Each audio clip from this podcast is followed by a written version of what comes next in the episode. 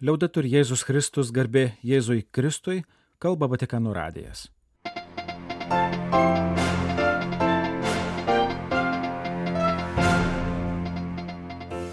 Malonus klausytojai šioje programoje dvi popiežiaus audiencijos. Pranciškus susitiko su Italijos katalikų sveikatos institutu, asociacijos ir Italijos moterų vienuolijų vyresniųjų sąjungos delegacijomis. Senelių ir senolių dienos tema - Opus Dei prelatūros neįlinis kongresas ir Šventojo sosto diplomato pastabos apie enciklikos Pacimenteris aktualumą.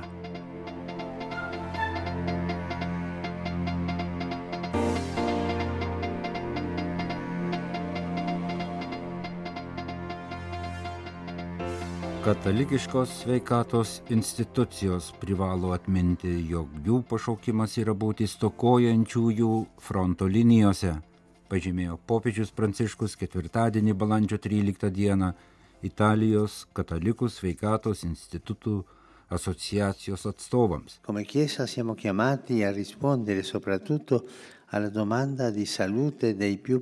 Kaip bažnyčia esame pašaukti atsiliepti ypač į pačių vargingiausiųjų, atmestųjų prašymus sveikatos sferoje, kaip ir į tų, į kurių poreikius neatsiliepiama dėl ekonominių ar kultūrinių priežasčių. Jie mums yra patys svarbiausi. Questi sono i più importanti per noi, quelli che sono al primo posto della coda, questi. Jie mums yra pirmieji sveikatos apsaugos prašančiųjų eilėje, patikino Pranciškus.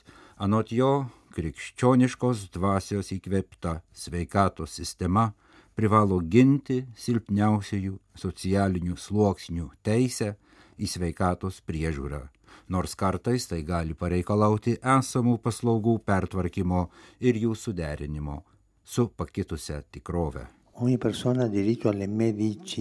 Kiekvienas asmuo turi teisę į mediciną, pažymėjo Pranciškus, apžvelgdamas ligoninėse įsivyraujantį nusistatymą, kaip įmanoma anksčiau išleisti pacientus, didesnį dėmesį skiriant kritiškos lygų fazės gydimui, nei sergantiems chroniškomis lygomis.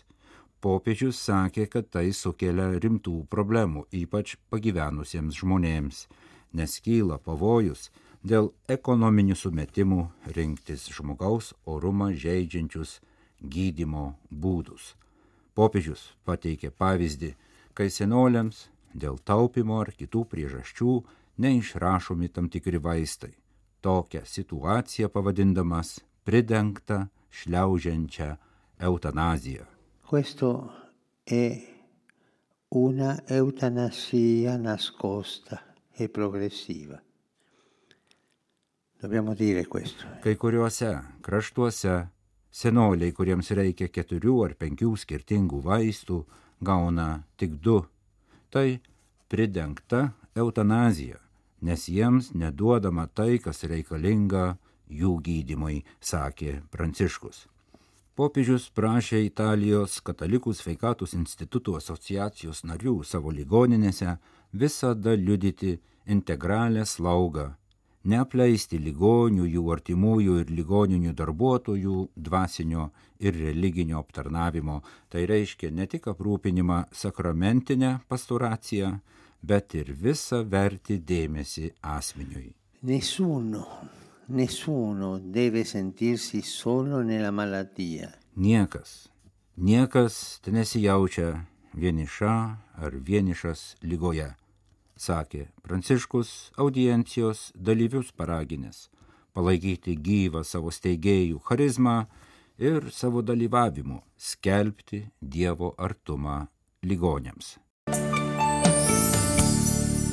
Balandžio 13-ąją popiežius Pranciškus prieėmė Italijos moterų vienuolijų vyresniųjų sąjungos nares, minėjusios savo asociacijos 70-asias metinės.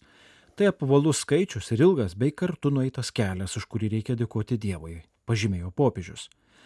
Italijos moterų vienuolijų vyresniųjų sąjunga savo suvažiavimui parinko temą, kuris sulėjo Velykų laikotarpį ir popiežiaus kvietimą visai bažnyčiai leistis į sinodinį kelią. Pranciškus pateikė trejas išvalgas susijusias su šia tema.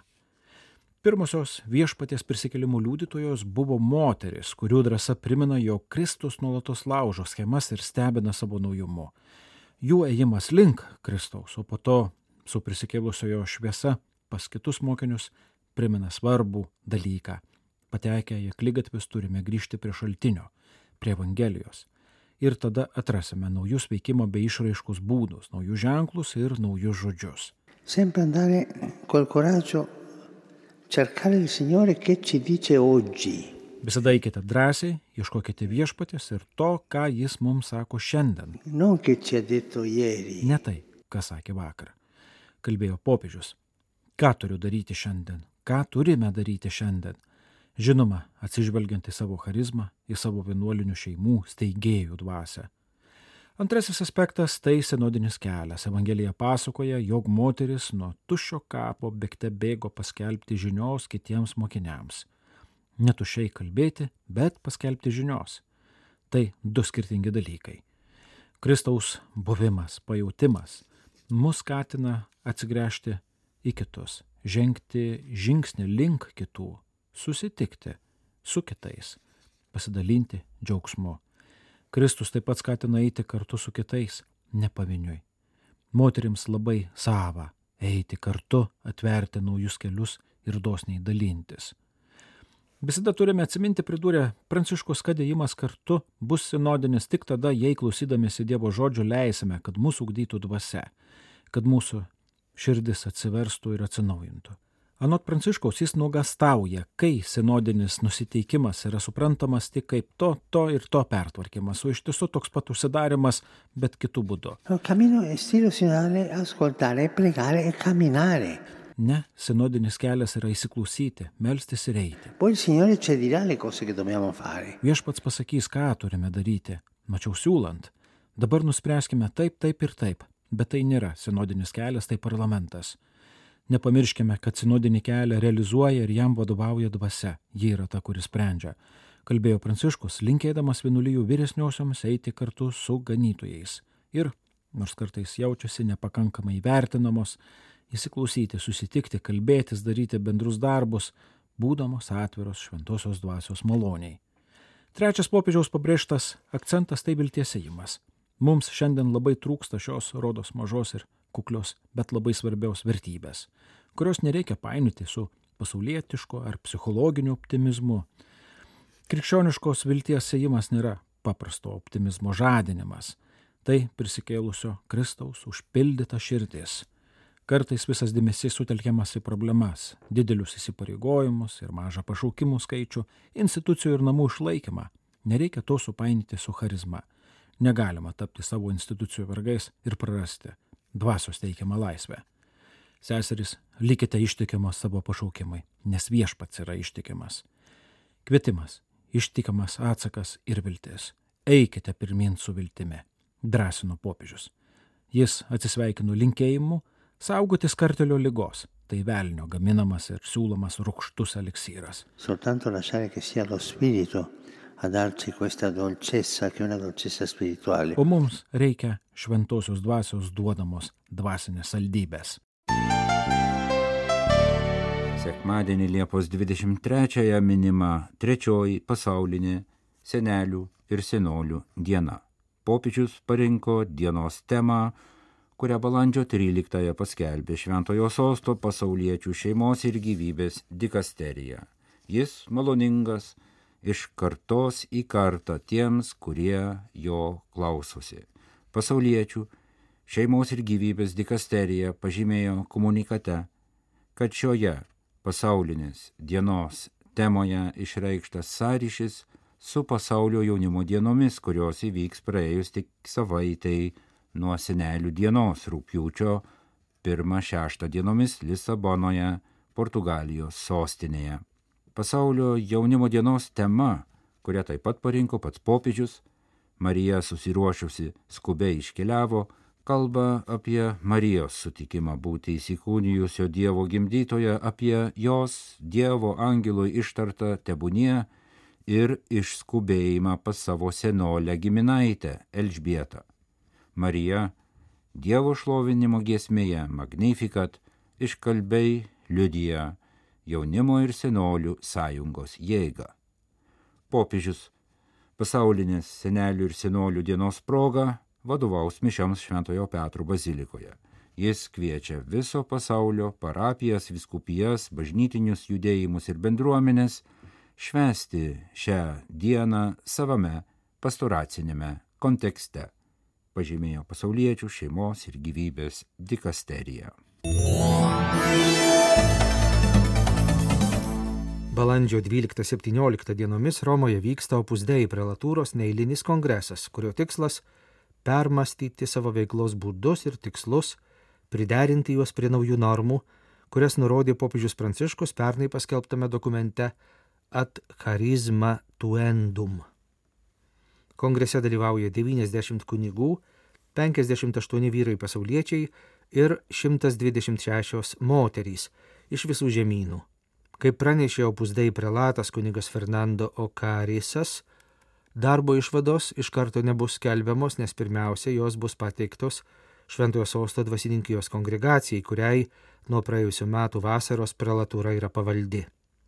2022 Liepos 14 dieną pasirašyto ir Liepos 22 dieną paskelbtų motu proprio atcharizma tuendum, popiežius Pranciškus nurodė įvesti keletą pakeitimų, kurie padėtų prelatūrai geriau vykdyti misiją, kurią jai suteikė Šventasis Jonas Paulius II 1982 metais ją įkurdamas. Pagal šventojo Jose Marija Escriva de Balagero charizmą Opus Dei prelatūra skatina šventumą darbo, šeimos gyvenimo ir visuomenės veiklos sferose. Ši misija išlieka nepakitusi, tačiau nauju popiežiaus pranciškaus potvarkiu norima patikslinti kai kuriuos jos organizacinius aspektus, suderinamai su steigėjo liudijimu ir Vatikano antrojo susirinkimo ekleziologija. Popiežius pranciškus nusprendė, kad opus dei prelatūra bus pavaldi ne vyskupų dikasterijai, kaip buvo iki pernai, bet dvasininkijos dikasterijai. Taip pat opus dei prelatas nebebus vyskupas, bet bus kunigas turintis apaštališkojo proto notaro garbės titulą. Šiuo metu opus dei prelatūra turi 93 600 narių, kurių apie 60 procentų sudaro moterys.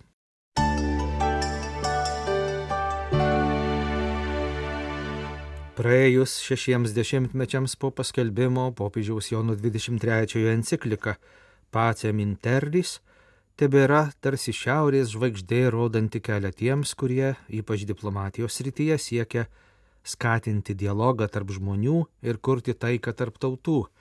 Vatikano dienraščiui L'Osservatore Romano duotame interviu tvirtina Šventojo Sosto nuolatinis stebėtojas Junktinių tautų organizacijoje New York'e arkivyskupas Gabrielė Giordano Kačia. Šventojo Sosto diplomatas visų pirma priminė šios enciklikos istorinį kontekstą. Ji buvo parašyta netrukus po vadinamosios Kubos raketų krizės. Tai yra pirmosios didelės tarptautinės brandulinės krizės sukėlusios realų pavojų visos planetos likimui. Kaip aiškiai sako enciklikos pavadinimas, Pacem Interris, joje nagrinėjama taikos tema. Popiežius Šventasis Jonas 23 tvirtina, kad taika apima visus žmonių ir valstybių santykius, tiek tarp asmeninių lygmenių, susijusius su teisėmis ir pareigomis, tiek asmens ir viešosios valdžios santykius, tiek valstybių tarpusavio santykius. Be to, pasak arkivyskupo, šią encikliką taip pat reikia vertinti tuo metu prasidėjusio Vatikano antrojo susirinkimo kontekste. Ši enciklika buvo bažnyčios santykių su pasauliu apmąstymas tuo metu, kai Vatikano antrasis susirinkimas dėjo pagrindus naujam bažnyčios požiūriui į pasaulio reikalus.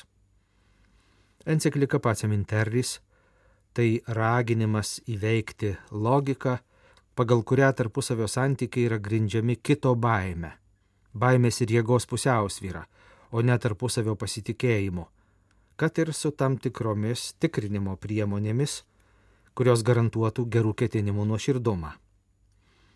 Šiame kontekste Jonas 23 įspėjo dėl vis didesnį pavojų keliančių ginklavimosi varžybų. Be to, dairiškas ginklų kaupimas kelia grėsmę ištisoms valstybių populiacijoms ir visos planetos gyvybei, o tuo pat metu yra išvaistomi materialiniai resursai ir intelektinės jėgos, kurios turėtų būti geriau panaudotos gyvybei ir aplinkai saugoti. Arkivyskupas Kačia taip pat atkreipė dėmesį į tai, kad Pacem Interlis buvo pirmoji enciklika, kurioje minima 1945 metais įsteigta Junktinių tautų organizacija. Jai skiriamas 75 enciklikos paragrafas pavadintas Laiko ženklai. Paminėta ir 1948 m. gruodžio 10 d. patvirtinta visuotinė žmogaus teisų deklaracija, kurios 75-osios metinės minimos šiemet. Arkivyskupas taip pat pastebi, kad jau kitais metais po šios enciklikos paskelbimo Šventasis sostas paskyrė savo nuolatinį stebėtoją Junktinių tautų organizacijoje, o dar po metų 1965-aisiais popiežius Paulius VI atvyko į New Yorką ir kaip pirmasis popiežius kreipėsi į Junktinių tautų organizacijos generalinę asamblėją. Klausiamas apie prieš šešis dešimtmečius paskelbtos enciklikos aktualumą šiandien, Šventojo sosto atstovas Junktinėse tautose sakė, kad viena rimčiausių dabartinių tarptautinės bendruomenės gyvenimo problemų yra daugia šališkumo krizė.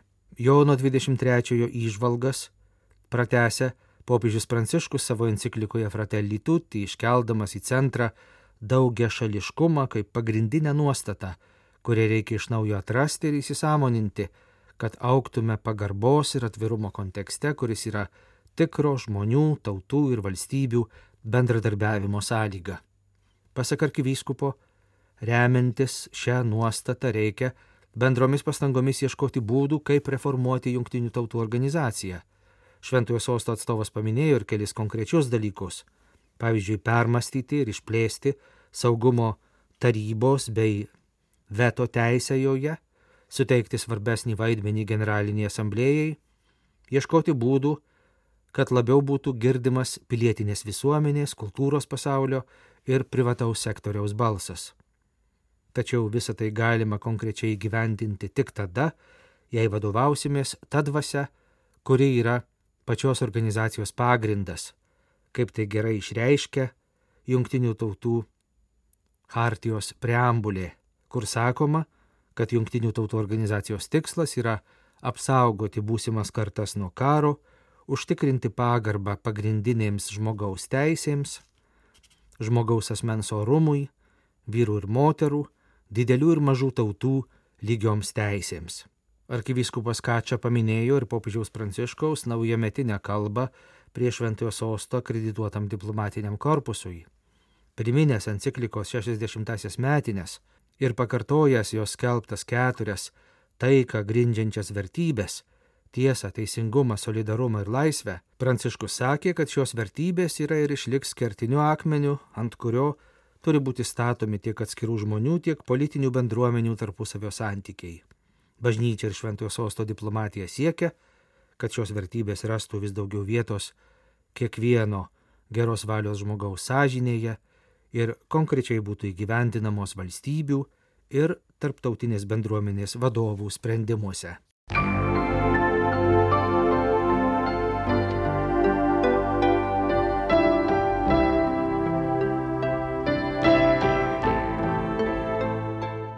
Malonus klausytojai laidą lietuvių kalbą baigiame. Kalba Vatikano radijas. Garbė Jėzui Kristui, liaudai turi Jėzus Kristus.